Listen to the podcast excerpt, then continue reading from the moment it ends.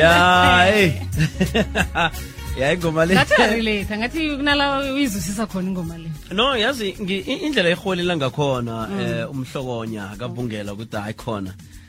Uzitshelile ukuthi ebukhweni bami khona ke kufanele ngivele ukuthi anginazo. Ah kuningi sizokubona phambili madoda akusizi ke sithatha ke inthekele sethu ke angalahlekelwa kusebukhweni bakhabo-ke. Yey, napho abantu ne? babhalelwa ukufika bamlahla bezimi balapho bathi Yey. awuzungena la.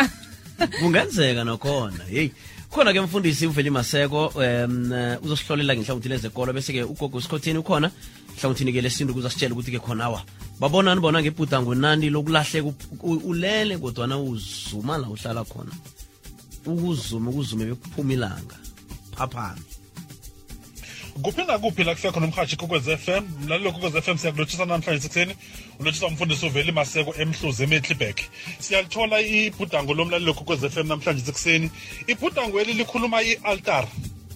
Umndeni nomndeni uba ne-altar. Kuya ngokuthi lowo mndeni ukholelwa kuphi? Uma bamakholwa babazalwane bathandaza i-altar labo liba umthandazo. Kuba ukuzila kuba ukutshela uzimo ngamanye amagama umndeni nomndeni okhona ephasini uba nala khona ifamily abantu bakhona uba ubaceba khona ubazisa khona uba uba uba ubabophelela khona ukhuluma khona ngabo. So ke leli bhudango likhuluma into eyi-one ifamily yakhe kufuzeke ilandele emuva i-check ukuthi i-altar le-family i-altar le-family lisasekhona na lisahlezi kahle na? I-altar yinto enjani? I-altar ila khona abazali bakholwa khona kuzimo. Noma bakholwa khona kwezinye izinto. Lokho kukholwa lokho kuyi-altari yila khona sikhuluma khona nabafuna imisebenzi yila sikhuluma khona abadinga eh, impumelelo yila sikhuluma khona nakunemiraro ekhona yi-altar. So uma umuntu angakhoni ukulibona ekhaya kusuka kunenkinga ye-altari kodwa lokho sathi lebhuda ngesikhathi sizithole ebantwini abangakholwa aba- abathi impilo nje ku- ku- ku- ku- kuyisayensi impilo nje umuntu uyafa aphenduka abe yinto bese kulahleka lento esibiza ukuthi i-altar. La khona abantu ufuzeke baboshelelwe khona. Amakhola si- i-altar lethu umthandazo. So-ke mlalelo kokwez f m leli bhudango likhuluma ngani nge-altari la khona ifamily ibika khona zonke izinto. Vele uma lingekho i-altari ekhayeni lakini kuyoba nalilezika luthi ikhaya ulibona ikhaya kunanani kunazo zonke le- lento eziba khona. Likhuluma into eyodwa mlilo kokwez f m i-altar le-family. So wena nawe njengoba uhlezi apha ekhaya akhona leli altar le-family ukuthi yini i-altar yale family mina enguyo njengomzalwane noma njengomuntu uzimu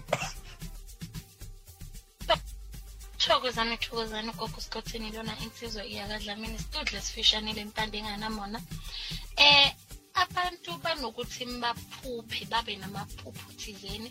Umuntu athi hayi mani gogo ngiye ngaphupha sekungathi ngiya ekhaya.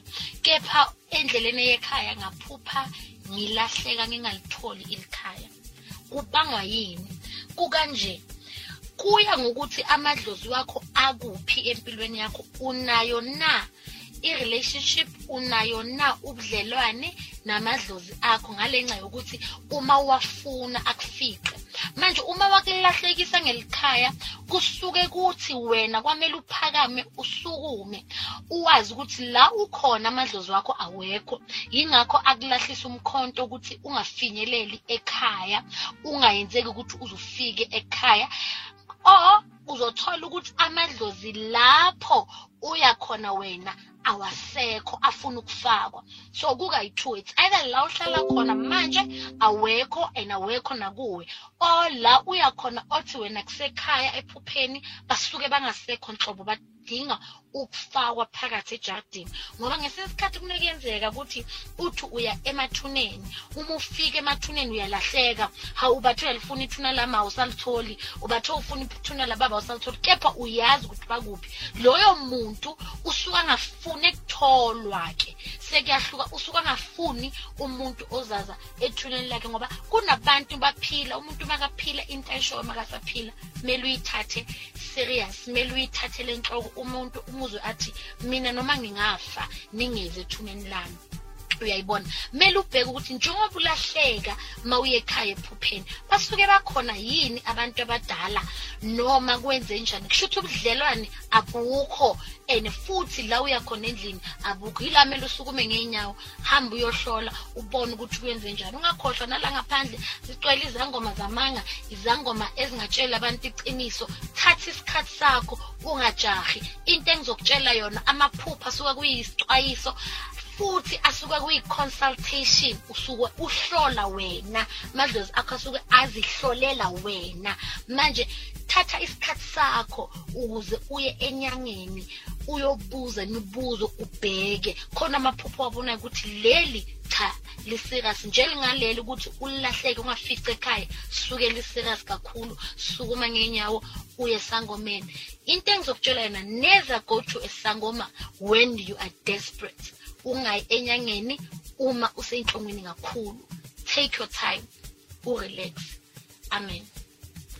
Never to go to sangoma ya udesperate all right. Ya thatha isikhathi sakho nje into ngoba-ke mhlambe angithi njengoba utsho ukuthi-ke abantu banye bangadlala ngayo bade funeka ikomo lapho ithengele ikomo and na- nangabe vele sowurhabe ngaleyo ndlela uyokwenza noma yini? Ya nonyana yini. Yazi noma yini abakutshela yona mm. Awa ama- ama- inhlathululo phela ziyafana. Ya ya ziyafana. Nomlalilo lo oyivalileko Ya, ya. eh ya izwakele kusho ukuthi singamthinda msanye ngelinye ilanga. Ya akhathi kukuveza veza